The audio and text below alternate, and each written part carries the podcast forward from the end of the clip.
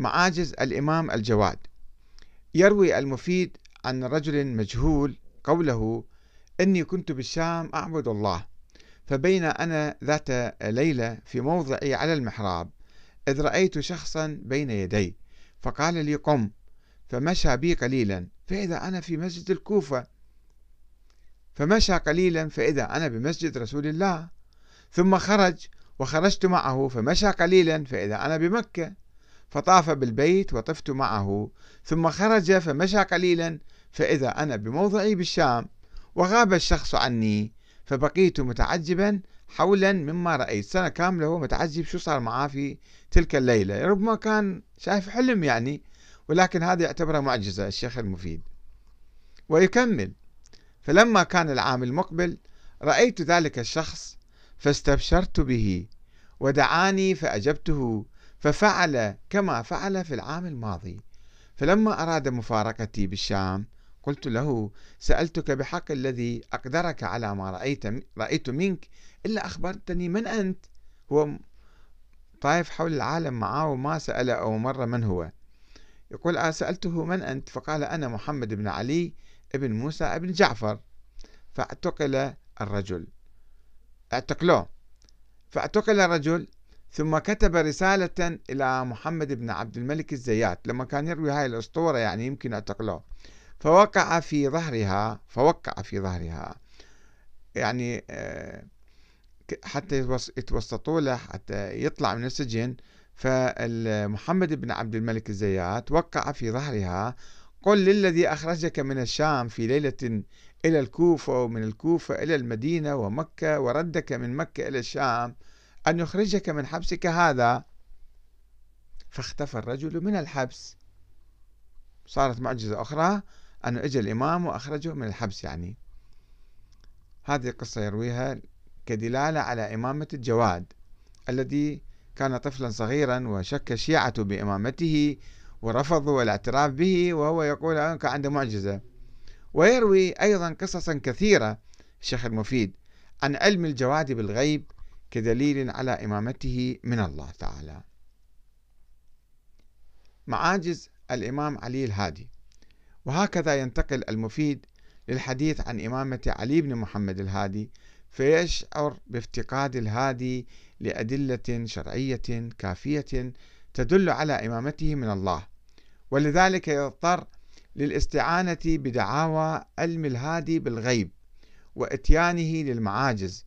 فيقول إنه كان يخبر وهو في المدينة بوفاة الواثق في سامراء ويخبر عن تولي جعفر المتوكل أنه صاحب الأمر ويتحدث عن تحويل الهادي لخان الصعاليك الذي نزل فيه في طريقه من المدينة إلى سامراء عند استدعاء المتوكل له تحويله إلى روضات آنفات وأنهار جاريات وجنان فيها خيرات عطرات وولدان كأنه اللؤلؤ المكنون سواها جنة يعني.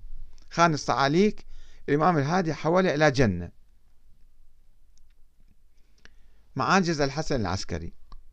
ويواصل المفيد تقديم الرواية الرسمية الأخيرة والمتأخرة لسلسلة الأئمة الاثني عشر. فيقول كان الإمام بعد الهادي ابنه محمد الحسن وأبو محمد الحسن ويقوم بعدها الشيخ المفيد برواية مجموعة من حكايات المعاجز وعلم الغيب التي يملأ المفيد حوالي عشر صفحات من كتابه الإرشاد بها مثل إعطاء بعض الناس مالا بقدر حاجتهم دون أن يسألوا. وترويض بغل بغل حرون. الإمام يجي يروضه هذا معجزة يروضه للمستعين. وحك الأرض لأبي هاشم الجعفري وإخراج 500 سبيكة ذهب. حك الأرض طلع ذهب من الأرض.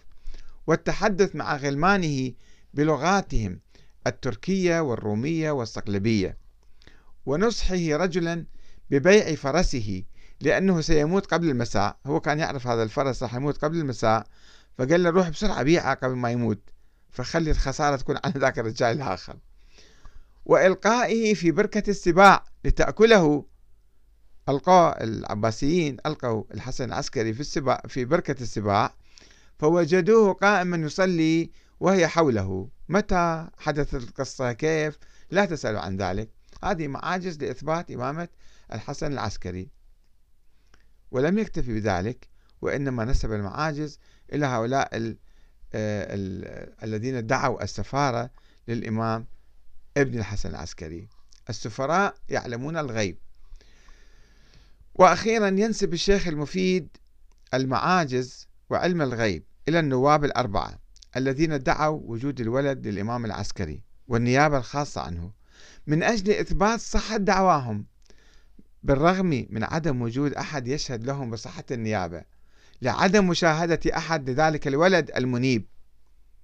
ويتخذ المفيد من دعاوى إخبارهم بالغيب وإتيانهم للمعاجز دليلا على صحة ادعائهم بالنيابة الخاصة والسفارة عن الإمام الثاني عشر محمد بن الحسن العسكري ويقول إن علامة, إن علامة صدقهم بصفات الغيبة والخبر فيها عما يكون قبل كونه.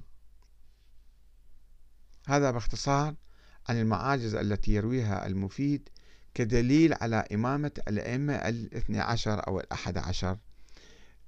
في حالة فقدان النص الصريح والجلي والثابت والمتواتر على أحد منهم ووجود الشك بإمامتهم ولكنه عندما ألف النظرية الاثنى عشرية آه يعني بعد بعد وفاة الحسن العسكري بعقود من الزمن كان لابد أن آه يثبت الإمامة لأولئك الأئمة حتى يصل إلى الثاني عشر ويقول أنه موجود ومولود وهو غائب وسفراؤه كان لهم معاجز ويعلمون الغيب لأنه هو كان يخبرهم يعني. آه هذا دليل على آه يعني تهافت نظرية الإمامة وعدم قيامها على نصوص ثابتة صريحة. والسلام عليكم ورحمة الله وبركاته. وإلى الفصل الثاني آه، المفيد على خطى الغلاة المفوضة.